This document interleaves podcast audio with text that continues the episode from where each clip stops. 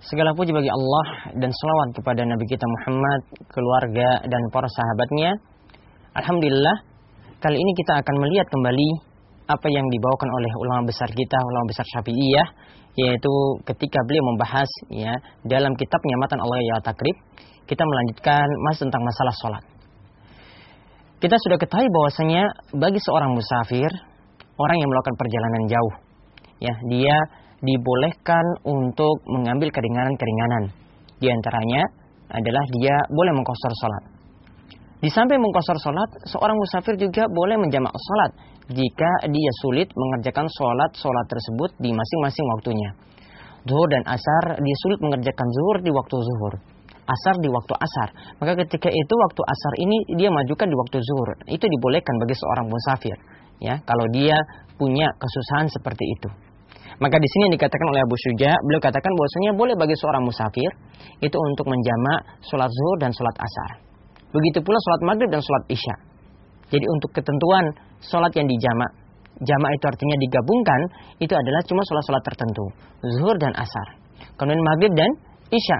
Tidak boleh kita gabungkan sholat yang tidak ada ketetapan seperti itu tadi. Yaitu misalnya gabungkan antara asar dan maghrib itu tidak boleh atau isya dan subuh itu tidak boleh. Namun ketentuannya sudah ada dan ini disepakati oleh para ulama yaitu zuhur dan asar. Kemudian maghrib dan isya. Nah itu dibolehkan bagi seorang musafir untuk menjamak atau menggabungkannya dalam satu waktu.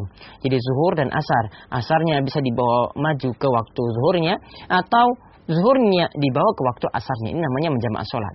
Ketika kita e, membawa waktu asar ke waktu zuhur, artinya ke awal waktu, maka itu disebut dengan jamak takdim.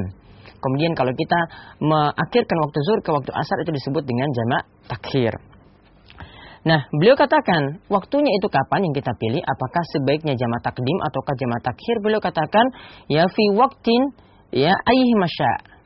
Yaitu di waktu yang di mana sih yang dia mau kehendaki. Dia boleh dilihat dari kelonggaran waktunya. Dia longgarnya itu ketika mengerjakan sholat asar itu dibawa ke waktu zuhur.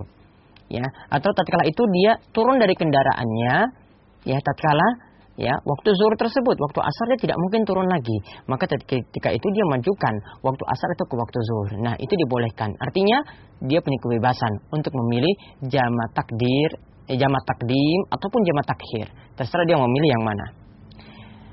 Nah, kemudian uh, jamak ini ternyata Abu Syuja juga menyebutkan itu tidak hanya berlaku bagi seorang musafir.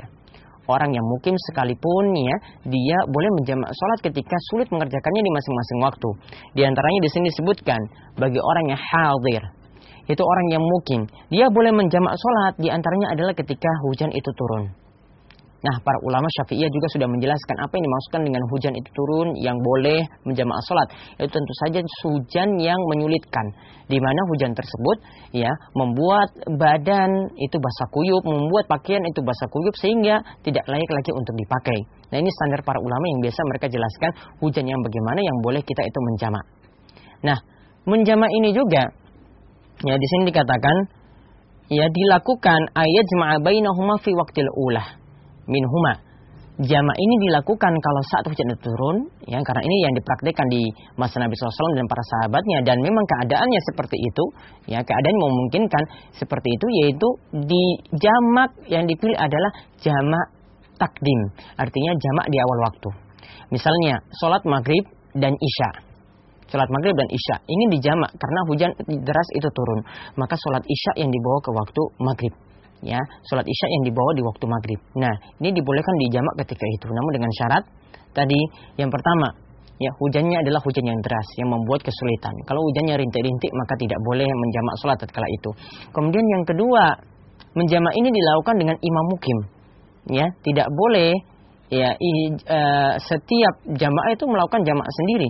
Ada imam rotib, imam tetap di situ yang menjamak sholat, maka mereka ikut menjamak sholat. Kalau imamnya tidak memutuskan untuk menjamak sholat, saat hujan itu turun, maka tidak boleh menjamak sholat tatkala itu. Maka di sini harus diperhatikan mana maslahat yang bersama yang harus didahulukan daripada maslahat untuk diri sendiri. Ya daripada maslahat untuk diri sendiri. Nah, maka di sini dapat kita simpulkan ya para pemirsa sekalian, yang namanya menjamak sholat itu bukan hanya dilakukan ketika kita dalam perjalanan, namun ketika kita dalam kondisi mukim sekalipun boleh menjamak sholat seperti misalnya ketika hujan turun, seperti misalnya uh, juga tatkala kita itu uh, dalam keadaan sakit berbaring di tempat tidur ya, berbaring di dipan ya, tidak bisa bangkit-bangkit dari tempat tidur tersebut dan sulit mengerjakan sholat di masing-masing waktu karena kita butuh istirahat. Maka tatkala itu juga boleh menjamak sholat karena ini adalah kemudahan dari Allah Subhanahu Wa Taala. Nabi kita Shallallahu Alaihi Wasallam itu pernah bersabda, Inna tina yusrun. Sesungguhnya agama Islam itu adalah agama yang membawa kemudahan. Ya maka ambillah kemudahan tersebut ya dengan ketika kita itu melakukan perjalanan kita mengkosor sekaligus itu menjamak ya kalau sulit mengerjakan di masing-masing waktu atau dalam keadaan-keadaan sulit hujan itu turun dalam keadaan sakit ya dalam keadaan sulit pula boleh tatkala itu menjamak sholat namun untuk keadaan mukim tidak dibolehkan untuk mengkosor cuma ada menjamak saja.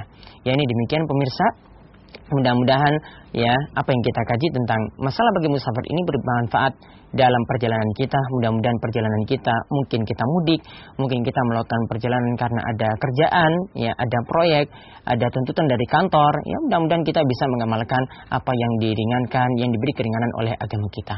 Demikian, wabillahi taufik wal hidayah. Wassalamualaikum warahmatullahi wabarakatuh.